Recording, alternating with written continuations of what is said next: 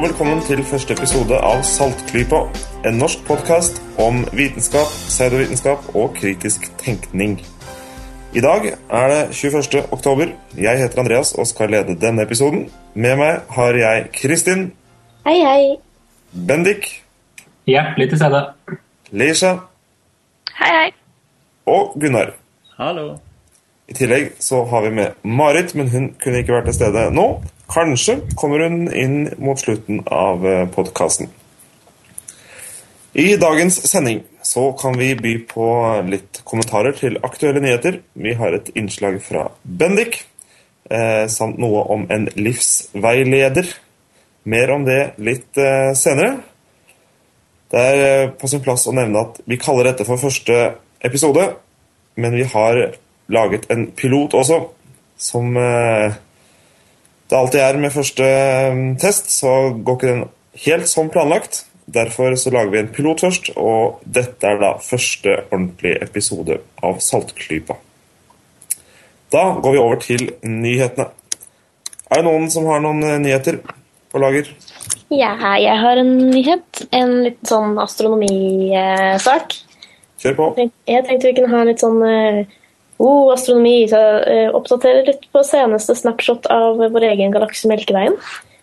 Eh, problemet med å kartlegge den galaksen vi bor i, er jo at vi ser den fra vår plass inni den. Og så ser vi den rett fra siden. Og det er en veldig utfordring å måle avstander i det hele tatt i verdensrommet. Så det å lage et kart over Melkeveien innenfra er jo spesielt tricky. Uh, et trikk som astronomene vanligvis har benyttet seg av, er å se etter sånne skyer av ionisert hydrogen. De er veldig vanlige i områder der som det har blitt dannet nye stjerner, f.eks. Og de er også spesielt vanlige i galakser av Melkeveiens type, altså spiralgalakser. Og de er da konsentrert inne i spiralarmene. Så når astronomer ser på fargen eller spekteret til disse skyene, så kan man finne ut farten de beveger seg med. Uh, og da kan de finne ut hvor i galaksen sånne uh, skyer befinner seg, og da kan de lage et kart. Uh, problemet er jo at ingen helt vet hvor fort galaksen snurrer, sånn helt nøyaktig, og noen stjerner er spesielt problematisk å plassere, så modellen har sannsynligvis en del feil i seg, sånn som vi har den i dag. Men så er det noen ved universitetet i Sao Paulo i Brasil, noen smartinger som har tatt i bruk noen ekstra metoder. De har tatt med seg ikke sånne ioniserte hydrogenskyer, men de har sett på noen andre skyer som består av karbonmonosulfid. Og ja, Ikke spør meg hvorfor, hvordan, men de har altså klart å få hastigheten til 870 forskjellige steder rundt om i Melkeveien. Og Da har de da laget et nytt kart, og det har da selvfølgelig over, uovertruffen nøyaktighet og detalj. En av de kule overraskelsene med dette kartet her er at noen av armene i Melkeveien bøyer seg ikke på den tradisjonelle måten, men er da rette på en måte isteden. Og da, da, gjør det rett og slett at Melkeveien får en sånn slags kvadratisk form. Så den nyeste nyheten om Melkeveien er at den er firkanta. What? Uh, yeah. Melkeveien er firkanta? Ja, sånn cirka. Det, nå er jo faktisk ikke det så veldig oppsiktsvekkende som man kanskje kan tro. Vi har en galakse som heter M101, eller altså da vindmøllegalaksen. Vi kan kanskje linke til et bilde av den i notatene. Men den, den er faktisk også en sånn galakse som er litt sånn, litt sånn firkanta. Så det som er fascinerende med det her, er at det, oppdateres stadig vekk hva vi vet. Og det, er, det at vi vet mer, syns jeg er ganske fascinerende. Er dette et tegn fra vår galakse om at vi skal bruke mer fornybar energi? Hvis vi får vindmølleform på galaksen vår? Kanskje det. At den hadde noe den ville si oss hele tiden. Nei, men ikke dårlig. Ikke dårlig. Melkeveien er eller kan være firkanta. Ja. Og vi legger ut link til uh, saken på, i våre shownotes, selvfølgelig. Noen kommentarer til det? Jeg syns det er utrolig spennende at det i det hele tatt lar seg gjøre å finne ut sånne ting, altså.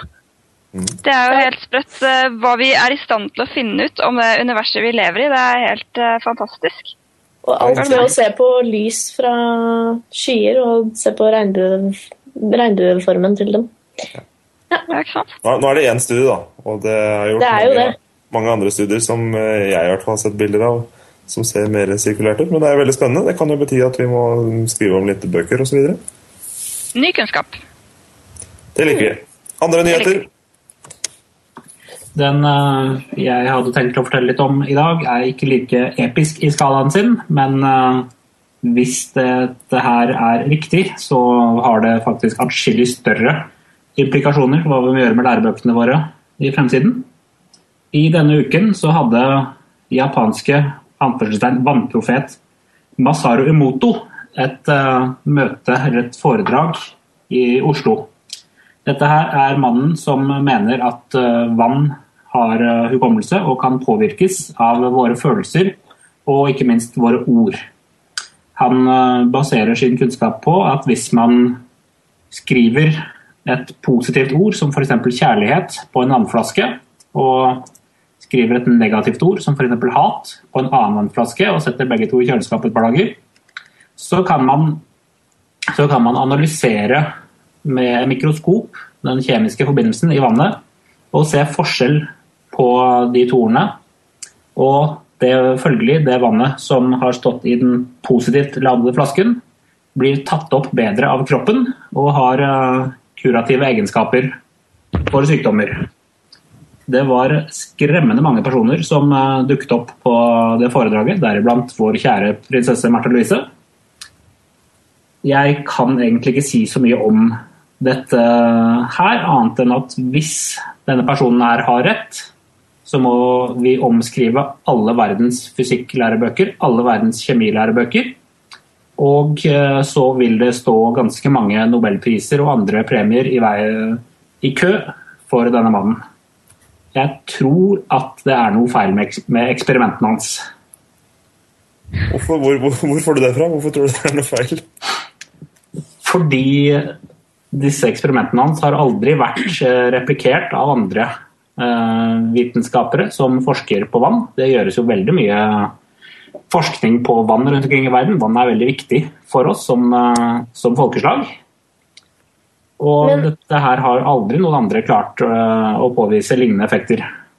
Men som, som artikkelen sier her, han gir jo ut bøker og holder foredrag verden rundt. Ja, den biten er ikke like lett å forklare, annet enn at Vel, verden vil bedras. Verden vil bedras. Dette her er en mulighet for uh, et bli frisk-vann som, uh, som vi alle lett kan få, i stedet for piller som alltid har bieffekter. Prosedyren her er jo at når han fryser vannet, så kan han se det i krystallene. Og han sier at hvis han spiller musikk for vannet, så har det også en påvirkning på hvordan krystallene blir. Han sier at han eh, kan eh, spille vakker sang fra Maria Callas, eller mer brutale toner fra Daft Punk, for å kunne se effekt. Og nå begynner jeg å bli veldig fornærmet her, siden eh, Maria Callas er jo som kjent objektivt vakker sang, og Daft Punk er også objektivt vakker sang. Noen musikkelskere som har lyst til å krangle på dette? Vet ikke, vet ikke om musikken, men uh, vannet har jeg ikke så mye tro på. Jeg vil jo anbefale folk å rett og slett søke opp navnet Masaru Emoto, og så klikke deg inn på Wikipedia-artikkelen. Og ta en kikk ja. under seksjonen eh, 'Criticism', der det står ganske klart den kritikken han er utsatt for, bl.a. at selvfølgelig så er ikke de testene hans tilstrekkelig blinde. Og de holder jo ikke vitenskapelig kvalitet i det hele tatt. Er det kort avsnitt, eller? Med kritikk? Det er en eh, seks-sju uh, setninger som egentlig ja. sier alt du trenger å vite. det er sprøtt. Ja. Da har jeg anbefaling til alle om å sjekke ut uh, denne karen på Wikipedia og andre steder. Linker finnes da i notatene våre. Før vi går videre til neste nyhet, så er uh, Marit kommet inn. Velkommen. Hei, hei. Hei, Vi hørte latteren din så vidt her i stad. Hyggelig at du er med oss. Er det noen flere nyheter vi har uh, på plakaten? Jeg fant en, eh, en interessant nyhet et, eh, på et nettsted som heter psychologytoday.com med tittelen Have scientists finally discovered evidence for psychic phenomena? Det er jo alltid interessant. Spennende. Det høres jo ut som noe potensielt godt. Ja, det er altså en, eh, åpent spørsmål. Det er en forsker som heter Daryl Bem, Så har vi gjort en del interessante studier. Det er sånn jeg synes det er veldig fascinerende. Enten eh, resultatet er positivt eller negativt, så er det en, en tøff måte å tenke på. Um, det dreier seg rett og slett om å finne ut om vi kan se inn i framtida, om hjernen har en eller annen mulighet for å se inn i framtida. Måten han har gjort det på, er at han utførte et par eksperiment. Det ene er um, en ganske kjent type eksperiment fra psykologien, der mennesker blir satt til å kikke på bilder som kan enten være positive eller negative. Og etter de har sett bildet, så skal de da trykke på en knapp for positiv eller en knapp for negativ. Og så blir det målt hvor lang tid de bruker for å gjøre seg opp en vurdering av bildet. Hvis de eh, i det forsøket flasher ordet positiv eller negativ veldig, veldig fort før bildet, så fort at du bevisst ikke registrerer det, men underbevisstheten registrerer det, så er det målt at de faktisk svarer eller eh, reagerer med positivt knappetrykk eller negativt knappetrykk litt fortere enn om de ikke flasher en sånn ord i forkant. Så det han eh, Daryl Bam har gjort, er at han prøvde å rett og slett reversere det eksperimentet med at han viser et bilde som f.eks. gir positive assosiasjoner til de fleste, men så flasher han ordet positiv etter bildet ble vist. Eller negativ hvis det var et eh, trist og tragisk bilde.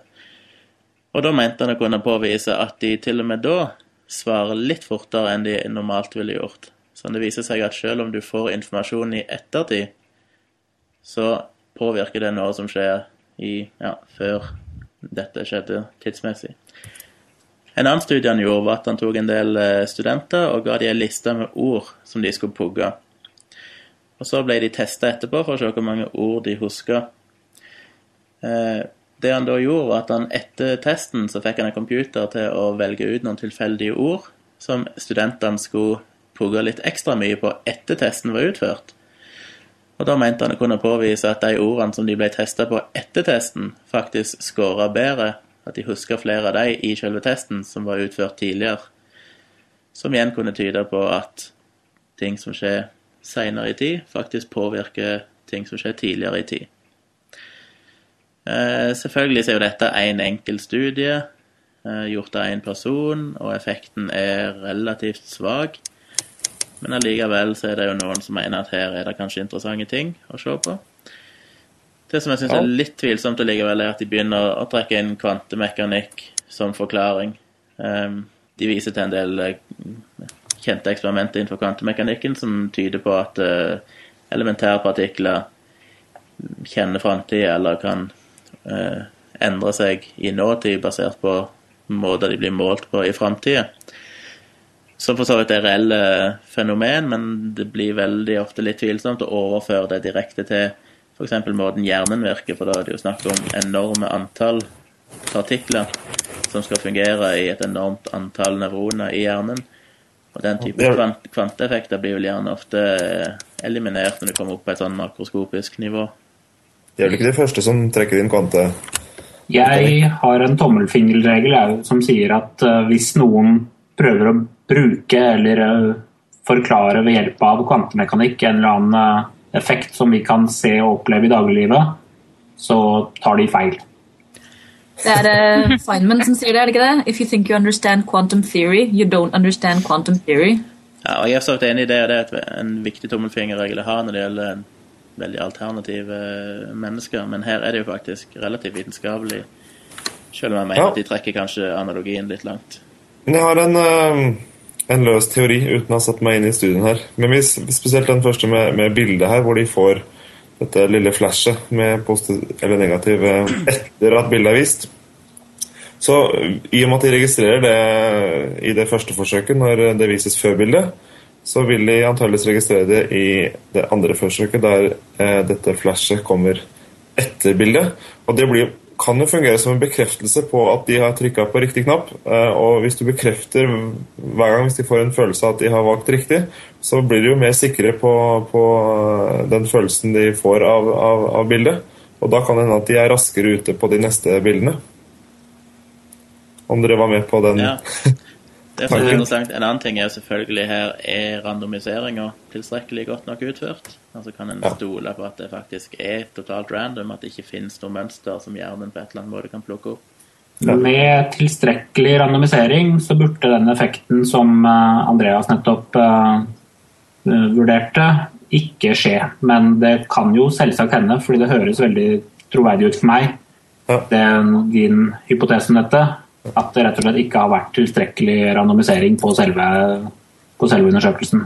Men det er jo spennende da at, at eh, altså Det er alltid spennende når noen faktisk gjør eh, hvis vi kan kalle det for ordentlig forskning, da, eller forsøk på skikkelig forskning på, på eh, noe vi ellers ser på som litt eh, overnaturlig. Ja. Eller Se, se inn i Ja, fremtiden. absolutt. Istedenfor folk som bare påstår at de kan det fordi de er overbevist om det selv.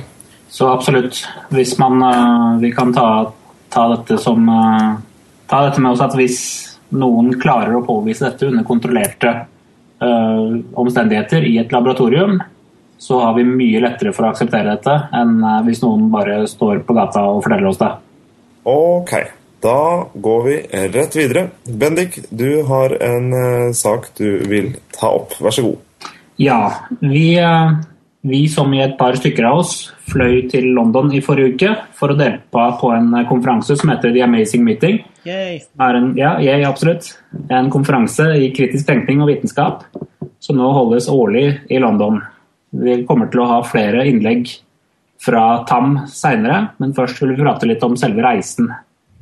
Så fløy vi, og alle som har flydd de siste ti årene, som er vel de aller fleste av oss, eh, i hvert fall de som lytter på denne her, men de fleste i samfunnet vårt, vet nå hva slags styr det er å dra og fly. Det er evinnelige sikkerhetskontroller og klareringer og undersøkelser og sjekker man må gjøre gjennom for å komme seg både av og på flyet. Men her er det som eh, er sjokket for de fleste. Det meste av disse sjekkene gjør ingenting for at du faktisk blir tryggere. Gir bare en falsk trygghetsfølelse, en illusjon av trygghet. Hvis noen eh, faktisk ville sneket noe farlig om bord på flyet, så er det fremdeles flust av muligheter for å få det gjort. Da f.eks. den siste gøyale endringen som eh, ble lagt inn for et par år siden, at man ikke kan ha med seg mer enn 200 ml væske om bord på et fly.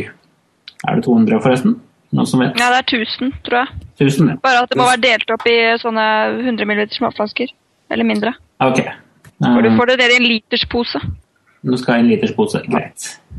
Det skal sies at det faktisk aldri har vært noen som har tatt med seg noen farlige kjemikalier om bord på et fly. Det er teoretisk mulig å lage sp- sprengstoff om bord på et fly med noen flasker med diverse væsker, men i praksis er det veldig veldig vanskelig å få til uten ordentlig laboratorieutstyr. Eh, Regelen kom i 2006 etter at britisk politi avslørte et komplott for å prøve å gjøre nettopp dette. Skjønt de fikk aldri satt planen sin til livs, de var fremdeles bare på planleggingsstadiet, og det er ikke trolig at det ville ha virket selv om de hadde tatt med seg alle flaskene. Men fremdeles så fører det til seg at vi ikke kan ha med oss væsker om bord på fly. De siste 15-20 årene etter at sikkerhet eh, på fly har blitt tatt seriøst, så har det ikke vært færre kapringer enn fra tiden før. De skjer så sjeldent at det er veldig vanskelig å føre statistikk på det, siden hvert eneste datapunkt blir en ekstremitet. Det er sant at det er flere komplott som blir planlagt, men alle disse hittil har blitt stoppet av politi og etterforskning lenge før det blir iverksatt. Største problemet er egentlig ikke for meg at jeg ikke kan ta meg en flaske brus om bord. Det er all tiden det tar for meg og alle de andre reisende. Statistisk sett er det nemlig farligere å være på flyplassen enn det er å fly. Det har vært uh, atskillig flere terrorangrep som er rettet mot selve flyplassen enn eh, mot selve fly. Og alle disse sikkerhetssjekkene de lager noen veldig fine flaskehalser hvor folk samler seg og vil være et prima mål for eventuelle terrorister. Og det er til og med utenfor sikkerhetskontrollen, så man kan ta med seg hva man vil dit. Noen flere her som har opplevd noe lignende?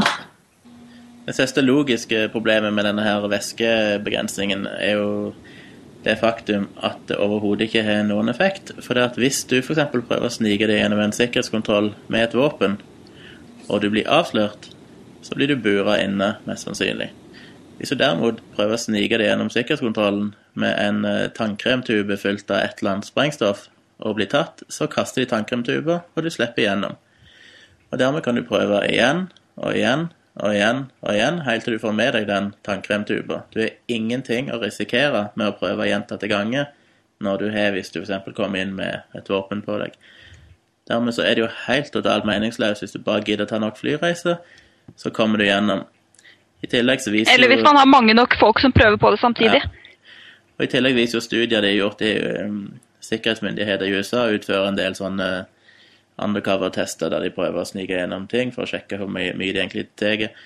Og Der ligger jo resultatet på at om, som regel mellom 60-75% av gangene så kommer de gjennom sikkerhetskontrollen med våpen og forskjellige ting. Sånn at det er som regel rundt tre fjerdedels sjanse for at du faktisk klarer å passere en sikkerhetskontroll med et eller annet ulovlig, farlig våpen på deg. Så eh, hele poenget her må være at risikoen for å bli tatt, selv om man er liten, er avskrekkende nok til at du ikke tør å prøve. Men det er han jo da selvfølgelig ikke med disse veskene, da, siden du kan slippe gjennom uansett. Det skaper vel en frykt, eller at, det gir jo kanskje befolkningen en, en trygghet, og samtidig så gjør det det vanskeligere i hvert fall da, for, eh, for de som ønsker å gjøre noe galt. Ja, det, Det er lager en Ja, trygghetsfølelse, men det er eh, dessverre en falsk trygghetsfølelse, siden den gjør deg ikke faktisk tryggere. Men illusjonen av at de faktisk gjør noe, kan føre til at noen som ikke er veldig seriøse, kunne prøvd å snike noe med seg. Eh, Men det ville jo vært atskillig bedre hvis det hadde vært faktisk en faktisk trygg eh, prosess som hadde vært der. Det blir litt som jeg pleier å sammenligne det med jeg jobber i databransjen, og når det gjelder sikkerhet på server f.eks., så du, iverksetter du en del standard sikkerhetsmekanismer. Men med full visshet om at hvis en eller annen flink fyr ønsker å komme seg inn, og har ressursene til det, så klarer han det. Grunnen til at du setter opp de her sikkerhetsmekanismene, er som regel for å fjerne 99,99% av angrep som bare er fjortiser som sitter med noe ferdig script og kjører. Og Det blir vel litt sånn sikkerhetskontroll òg, at de har jo en effekt. Ja, De skremmer en del amatører, og de tar noe Ja, men hvis det er noen som virkelig vil, så klarer de det. Skal du luke ut skjortisene? Er det det som er sikkerhetskontrollens uh... Det er, det er i hvert fall det de oppnår uh, akkurat nå. Men jeg er også veldig, jeg er også veldig fascinert av at de på alle flyplasser skal ha oss til å gå i sikksakk lenge før køen egentlig begynner. Jeg lurer på at vi. Jeg går jo flere kilometer i løpet av et år i sånn er du- sikksakk-kø uten at det egentlig er kø i det hele tatt. Det Det er er veldig fascinerende. sånn profilering, vet du, hvor de screener etter eh, kriminelle. Ja, ja, selvfølgelig. Som selvfølgelig er mye mindre virksomt enn å bare ta random eh, Random eh, ja, tilfeldig velge hvem som skal undersøkes nærmere, sånn som jeg har blitt gjort et par ganger. Mm. Og det er jo fordi at sånn profilering Hvis eh, sikkerhetspersonellet vet hvem de ser etter, så vet terroristene også hvem de ser etter. Og da får de alltid en eller annen person som ikke ser ut som den beskrivelsen, til å utføre ja, angrepet. Eller hva man skal det. Ja, det så så man jo med hun Jihad Jane eh, i fjor, eller når det var. Og hun er jo amerikaner, blåøyd, blond, og eh, det kunne man jo ikke tro at hun kunne ha vært noe sånt, for hun ser jo ikke slik ut. De utførte jo Eh, en så hun kommer ganske langt. De hadde en stor undersøkelse i England i fjor eller forfjor, der de gikk gjennom eh, disse her eh, mistenkte og dømte terroristene, eh, og fant ut at det fantes ingen fellesnevnere ved dem. Altså det var umulig å bruke profiling for å egentlig kunne identifisere dem, for det var så forskjellig bakgrunn og så forskjellige mennesker at det gikk an å ja. Så vi har jo en viss stereotyp om hvem en terrorist er, men det stemmer ikke i virkeligheten. De siste 10-15 årene som vi har eh, statistikken på dette her tilgjengelig, så har det basically ikke vært noen terrorplott som har blitt stoppa i sikkerhetskontrollen. Det, de, de som har blitt stoppa, som jo er ganske mange av dem heldigvis, har blitt stoppet av politi og etterforskning i forkant, og ikke på flyplassen. Ja, men Hvis vi tar det Gunnar sa, at eh, hvis noen prøver å smugle eh, sprengstoff i en tannpastatube, og den blir kasta i søpla, så vet vi ikke om det er blitt avverga noen. Så det er jo litt vanskelig å vite. Sant det. Sagt. Det er en del store mørketall her også. Ja. Nei, men, det, Ja, men en fare der jeg bare skyter inn en ting her, en fare der er jo at eh, hvis du eh, har en så veldig sterk fokus på én ting, at det er væske om bord på fly som er så farlig, eh, da risikerer man et overfokus på det, slik at eh, eventuelt terrorister de prøver seg med noe helt annet som man kanskje ikke er obs på. Ja, det Og er så kan sant. kanskje det lykkes fordi folk er så besatt at eh, man stirrer seg helt blind på den ene tingen. ikke sant? Det er problemet med det å sikkerhet ut. Ja, at en hele tiden går etter terroristene. De finner ut hva de prøver på. Ok, da forbyr vi det. Og så finner de på noe nytt. Ja. Ok, da forbyr vi det. Men det er jo en helt umulig måte å lykkes på, for de vil alltid Ja. finne på De vil alltid være ett steg foran. Ja. Og det de allerede har prøvd ikke funka, det vil de jo da ikke prøve på igjen. En annen ting jeg aldri er- skjønner, det er hvorfor fly er så fordømt attraktive. Du kan gå inn på et hvilket som helst tog eller båt eller T-bane eller hva som helst med sprengstoff på hele kroppen uten at noen kontrollerer deg. Men går du inn på et fly, jo da blir du sjekka fra topp til tå overalt. Så det er en sånn psykologisk faktor der at vi har en sånn frykt for fly, at det er det som er mest effektivt. Det er, litt, det er litt lettere å evakuere et tog eller et kjøpesenter enn det er å evakuere et fly. da. Det er en liten faktor der. Jo, men hvis du vil skremme, så Ikke lettere du å evakuere en båt som er ute på vannet. Kan du, si, du kan jo hoppe i sjøen, da. Vi har jo livbåter vanligvis òg. Hvis en terrorist sprenger opp et NSB-tog, så tror jeg nok togtrafikken vil bli ramma en viss periode. Folk vil bli Ja, ja, ja. ja, ja uten tvil. Nei, men det er interessant og flott. Eh, Vi må videre for at ikke dette programmet skal bli altfor langt. Jeg har også vært ute og flydd. Jeg har ikke vært så heldig som dere at jeg har vært uh, i London på TAM, The Amazing Meeting. Som vi vel kan anbefale, i hvert fall dere som har vært der, eller hva? Ja, så absolutt. Bra! Alle lyttere her eh, anbefales til å dra på TAM eh, til neste år, eh, til neste høst. Så fremt man har anledning. Det er veldig fint. Det er masse flotte talere, ulike temaer. Man kommer hjem veldig gira opp og motivert for å gjøre noe med kritisk tenkning og vitenskap. Ja, veldig bra. Så er det viktig å si at uh, vi her i Saltklypa vi er veldig interessert i å høre fra deg. Hvis du har tips til ting vi bør ta opp, eller kritikk til eh, noe vi har eh, sagt, så kom gjerne med det.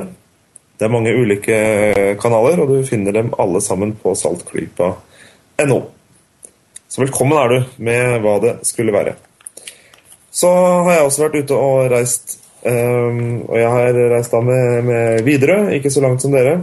Og der, eh, De har jo alltid et sånt magasin liggende i, eh, i stollommen foran deg. Og der fant jeg en artig artikkel. 20 spørsmål. Til eh, en dame som heter Lilly Bendris.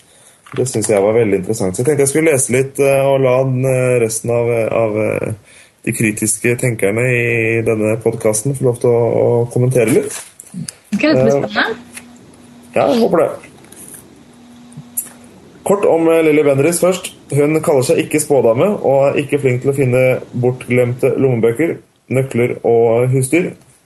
Som livsveileder arbeider hun som kanal eller medium gjennom kontakt med en åndelig verden. Hun, fort hun forteller deg ikke hva som vil komme til å skje i livet ditt den neste uken eller de neste årene, men gir gjennom informasjon fra sine åndelige kilder hjelp til å belyse ditt livsvalg.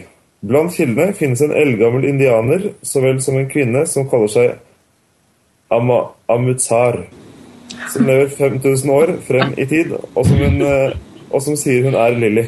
Vent litt, sa du 5000 år frem i tid? Riktig. Ok, bare så vi har det på det klare. Ja, imponerende. Eh, hun er da Lilly Bendriss er mest kjent for medvirkning i TV-programmene 'Fornemmelse for mord' og 'Åndenes makt'. Det er sikkert noen eh, lyttere som har sett disse programmene. Kanskje noen av eh, dere som er med her i podkasten også. Eh, og hun har da også drevet Storyville Chez Bendriss, en restaurant i, i Oslo. Og nå jobber hun med, med Kanalen 5. Der har jeg vært gjest selv og kjenner til det. Mye interessant som kan sies om eh, noen av programmene på den kanalen. Hun har blitt spurt en del spørsmål, da, og, og enkelte av de er, eh, er jo ganske interessante. Fortell.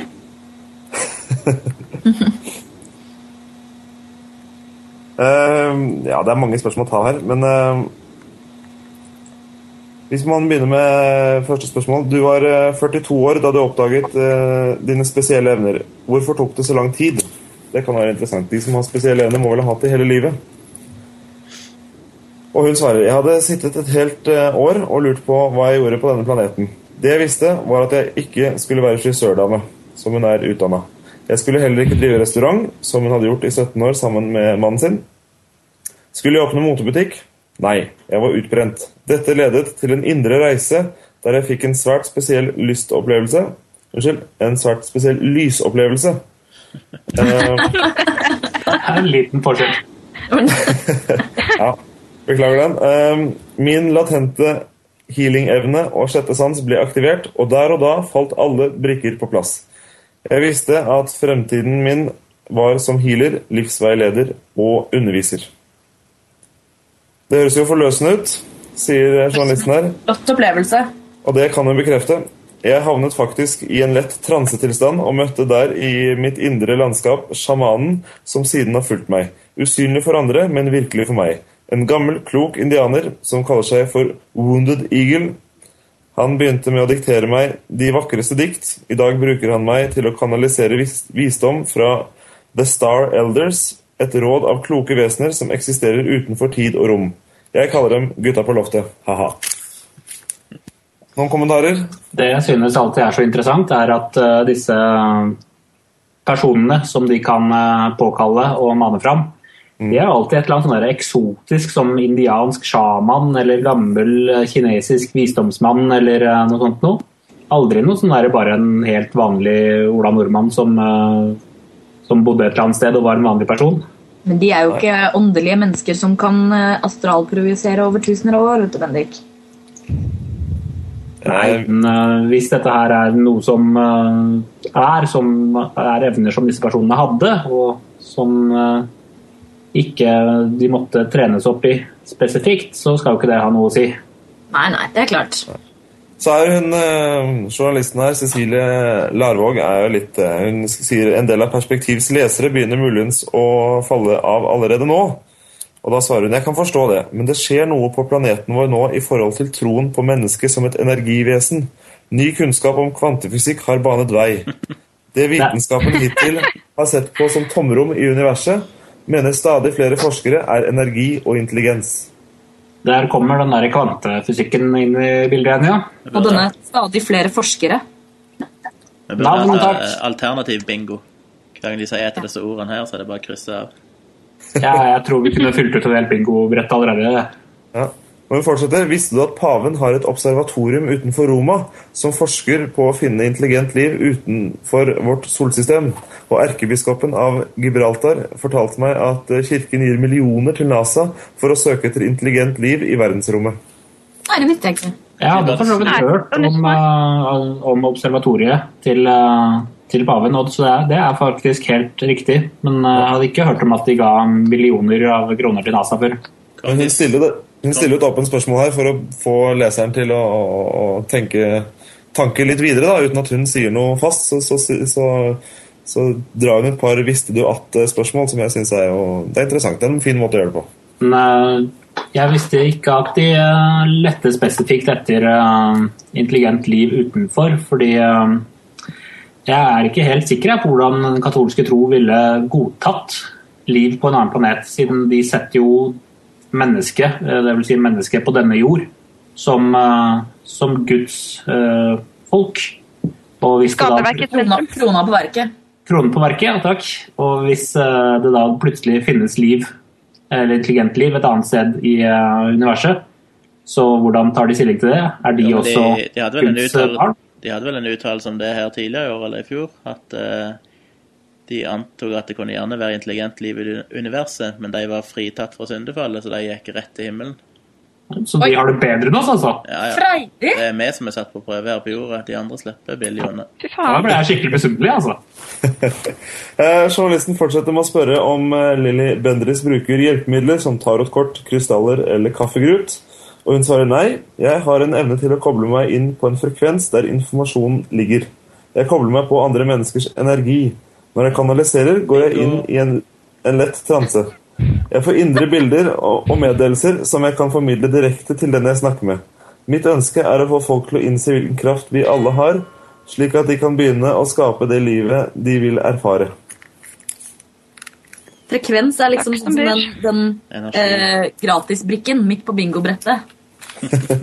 ja, den uh, frekvenser og energi og kvante er alle ordene som uh, vi er kjent med som ikke har noen betydning utenfor uh, New Age-miljø, kommer fram her. Mm. Eller altså, De har jo en betydning, men de har en annen betydning. Ja, en helt annen betydning innenfor det vanlige tekniske miljøet. Ja. Så, og så hvis du spør noen innenfor alternativmiljøet, så har de stort sett veldig vanskelig for å definere det. Mm. Så fortsetter journalisten med, med, noe som går rett på, rett på, kjernen i eh, det jeg tror er grunnen til at vi driver denne podkasten, og grunnen til at uh, det arrangeres kritisk eh, masse om få dager. I hvert fall når dette spilles inn, så er det få dager til. Journalisten spør da Interessen for klarsynte har økt enormt de seneste årene. Åndenes makt har i flere sesonger vært et av de mest sette programmene på TV Norge. Hva skyldes dette? Og da svarer hun Paranormale fenomener har vært et tabuemne for mange. Folk har alltid kjent på dette, men mens du før var redd for å bli sendt på sjette avdeling hvis du ymtet om gjenferd i huset ditt, er det i dag blitt mer stuerent. Der kommer vi inn, gjør vi ikke? Ja. Ja. Dette her er, for å si det sånn, denne podkasten sitt mission statement.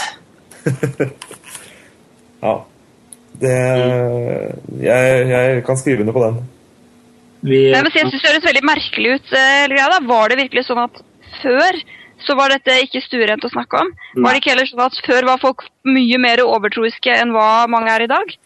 I, hvert, Altså, I hvert fall stereotypen eh, er det at uh, før så var det mye vanligere å akseptere spøkelser og nisser og uh, ånder enn en det er i dag.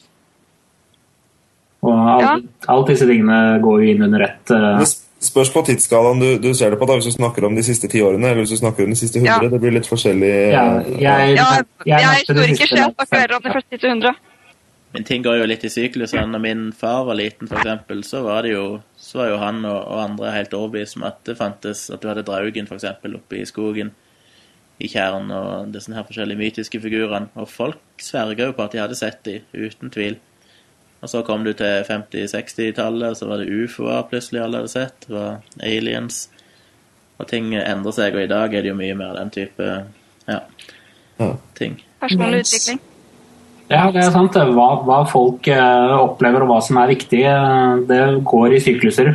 Som, eh, som du sier, når romfart begynte å komme på, på, verdens, på tidsbildet, og sci-fi-filmer begynte å komme på 50-tallet, så var det aliens og ufoer overalt. Før, før sci-fi-filmer og alien-filmer begynte å komme, så var ikke det observert. Da var det Draugen eller noe annet. Nå for tiden så er eh, aliens nesten blitt litt uh, passé, skjønt de høres, vi hører om det ganske ofte fremdeles. Men nå er det krystaller og healing og eh, tanker og drømmer som er inn. Og gjenferd. Og ellers er vi jo, Det er vel ikke noe tvil om at religionen, den tradisjonelle kristendommen, har vært en slags vern mot den type ting. Det er først etter hvert som religiøsiteten i samfunnet synker, så åpner de opp for den type overtro, fordi folk har et behov for å tro på et eller annet uansett. Og tror de ikke på den tradisjonelle kristendommen, så finner de et eller annet annet. Det er sant. Vi eh, lever i et ganske sekulært samfunn hvor veldig mange ikke anser seg selv som religiøse. Og da er det mange av dem som rett og slett får et hull i, eh, i Ikke hjernen sin, det var ikke riktig ord. Et hull i tankene sine hvor noe annet må passe inn. Pass deg nå for hva du, hva Ja, det, sier. det var veldig dårlig formulert. å si det. Journalisten fortsetter. Journalisten fortsetter. På TV ser det ut som du får kraftige støt og har store smerter når du merker et gjenferd. Er det bare effektfullt skuespill? Absolutt ikke. Jeg ser ikke gjenferd med øynene, men senser tilstedeværelsen deres som energiopphopning, der den døde vanligvis manifesterer seg. Energien går som elektriske støt gjennom kroppen min. Hvor stor andel av norske husholdninger kan regne med å ha døde trøbbelmakere som virrer rundt? Tja, 10% kanskje? De fleste ting har naturlige forklaringer, men det vil alltid være et ekko eller avtrykk av tidligere liv i et hus. Historien fortsetter å leve. Noen ganger er det hvileløse ånder med traumatiske opplevelser som stritter imot å gå over til den andre siden, men mange gjenferd er aldeles harmløse. Du finner forresten ofte gjenferd på sykehus. Mange dør der, og det er mye traumer. Er du heldig, kan du trekke med deg ett hjem. Jeg kan nå nevne at uh, nå Det er- det- jeg på et sykehus, og jeg har hittil ikke snublet inn i uh, noen gjenferd. Du er ikke inne på de riktige energikanalene, Bendik. Finner de deg på lukket? Ja, jeg er nok ikke inne på de riktige frekvensene. Nei. Men, Jeg har i eh, et hus fra ja, litt før 1750. Og jeg har ikke merket noe mystisk her enda. Skjønt på, på, Det A- mennesker som er født og dødd her. ja, skjønt på Ahus og, og, og St. Olav i Trondheim og sånn, så er det jo eh, ikke-levende vesener som beveger seg rundt, men det er jo sånne robottraller. Folk må ikke, må ikke misforstå. Men jeg synes det er jo imponerende at hun, at hun faktisk hun sier jo faktisk setningen 'de fleste ting har naturlige forklaringer'. Ja, det ja, er det er jo fordi spøkelser er jo helt naturlige fenomener. Nei, men jeg tror hun faktisk mener at hun sier at det er 10% som kan regne med at de har eh, Hun anslår da 10 kan Ah. ha, ha spøkelser. Sånn at det vil si at 90% av de som opplever spøkelser, har helt naturlige forklaringer. Det er overraskende fra Men det er en klassisk vinkling at hun er jo egentlig skeptisk, men det er et Ja. eller annet som ikke kan forklares. Det er en sånn Det, klassisk vinkling. jeg, jeg aner at dette her er at de, de 10 prosentene som hun undersøker, og som hun opplever selv, de er ekte. Men eh, de 10 prosentene som hun ikke blir kalt inn for å undersøke eller for å oppleve, de er falske. Det Der er er du ikke inne på noe. Men eh, du har ikke sett noen, eh, noen gjenferd, Bendik. Men nå spør journalisten kan alle se eller føle gjenferd. Og da sier hun i utgangspunktet ja. Men noen er mer mottagelige. Du må være åpen for å bevege deg inn i en fjerde dimensjon. Mange mennesker er ikke det, og avfeier alt som ikke kan forklares logisk, som tull. Så du har da droppa den fjerde dimensjonen, Bendik, som er tid. Du må ta med tiden, og ikke bare leve i, i Den fjerde sånn. dimensjon. Ikke bare leve i Jeg, nuet. jeg, jeg syns jeg reiser i tiden hele tiden. Ja. Du må leve, du må leve i nuet. Du må- du må leve i nuet. Men da går vi inn på den samme klassiske feilen med at de sier at hvis vi ikke kan forstå det, så avviser vi det. Men det er ikke det som er problemet. Problemet er jo at fenomenet faktisk ikke er dokumentert, Dokumentert. på noe selvs vis. Du trenger ikke prøve å finne forklaringer og forstå det før du i det hele tatt kan bevise at fenomenet er reelt. At det finnes. Ja. Ja, vi, som skal skeptikere og vitenskapsfans, så er egentlig det med å finne ut hvordan eller hvorfor noe skjer, det er eh, step to det, i eh, prosessen. Først så skal man klare å dokumentere at det skjer. Men eh, hjelper det er bedrifter også? Ja. når det er noe som eh, strider sånn mot alt det andre vi vet om, om verden. Altså alt det vitenskapen har klart å samle sammen og skrape til seg kunnskap de siste par hundre årene, så ja, da krever det litt ekstra. Litt ekstra bevis da, for at vi skal ha tro på det. Hjelper du bedrifter også, eller bare privatpersoner? Jeg har blitt tilkalt til arbeidsplasser der det har vært mye uro og krangling. Da har jeg jobbet med å rense atmosfæren, løse opp eh, forsteinede energifelt. De sier det har hjulpet. Blir du rik av dette? Jeg tror mange av de som tar 32 kroner minuttet, tjener mer enn meg. Ha-ha. Jeg har i det siste valgt å ikke ha så mange klienter. Jeg føler at tiden har kommet for heller å konsentrere meg om undervisning, kurs, bøker og TV fremover. Jeg vil eh, kommentere på den forrige der, hvor uh, utsagnet er de sier at det virker. Ja. Og det er eh, basically hele tingen som eh, dette vipper på. Mennesket er veldig dårlig til å oppfatte og rapportere ting, og placeboeffekten basically kicker inn her også. Den, bare, den kan brukes på ikke-medisinske ting også. Hvis det er et sted med mye uro, og denne personen går inn og sier nå har jeg renset luften, eh, eller renset auraen din, eller hva hun sa, så vil veldig mange folk rapportere i ettertid at det har blitt bedre, selv om de ikke nødvendigvis har det. Eller bare det at de føler at de, noen kom inn og sa her er det mye uro, shape up, så ender de opp med å gjøre det også. Så det er to forskjellige ting som kan ha skjedd, som ville vært helt, helt naturlige forklaringer. Det er en tredje ting også, for så vidt, og det er jo det at eh, hvis hun kommer inn på arbeidsplassen, så vil jo de som jobber der få en eh, personlig relasjon til henne på noe nivå. Og hvis hun da kommer tilbake senere og spør klarte jeg å hjelpe dere, så vil jo mange si ja, selv om de kanskje ikke egentlig har opplevd noe særlig bedring. Fordi de vil ikke såre henne. ikke sant? Nå har vi liksom en eh, grei frem tilbake her, og de vil si ja og ha. Og, og hun vil selvfølgelig tolke det på mest mulig positiv måte. Eh, mens hvis en annen helt urelatert person, noe som er helt nøytralt, som de ikke kjente, kom og spurte, så ville svaret kanskje mest mulig blitt annet. Jeg må bare le, lese intervju etter intervju etter intervju med Snåsamannen, og der de observerer han i praksis, eller der han prøver å heale eller gjøre et eller annet med journalisten.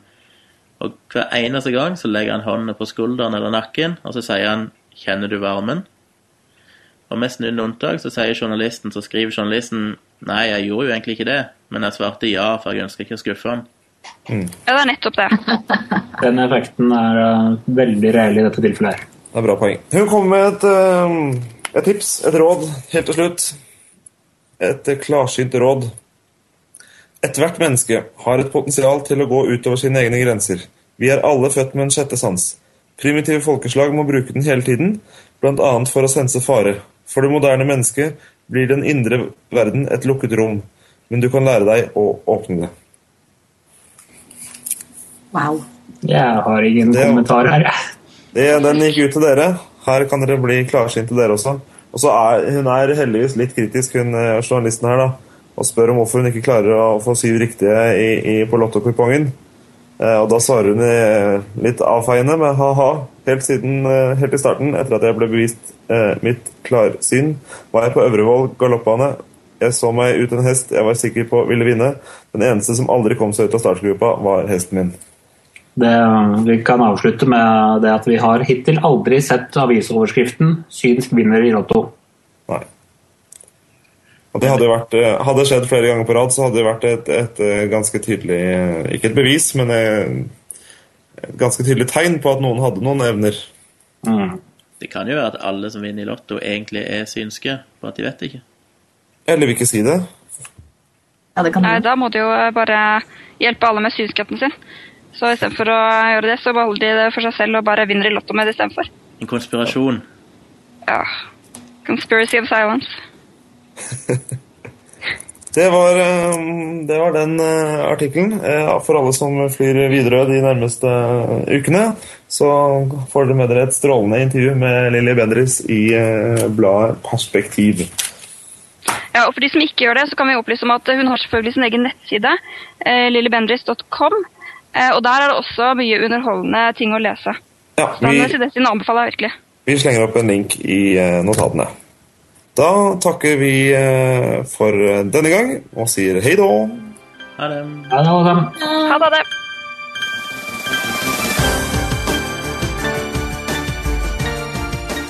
Saltklypa er en norsk podkast som tar for seg vitenskap og pseudovitenskap i samfunnet med et kritisk blikk.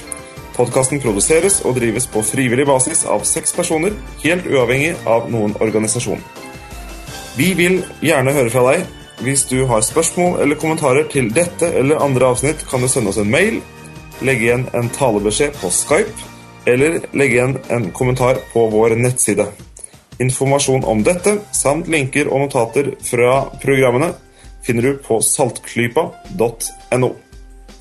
Vi gjør oppmerksom på at denne podkasten er aseptisk pakket, men kan inneholde spor av nøtter.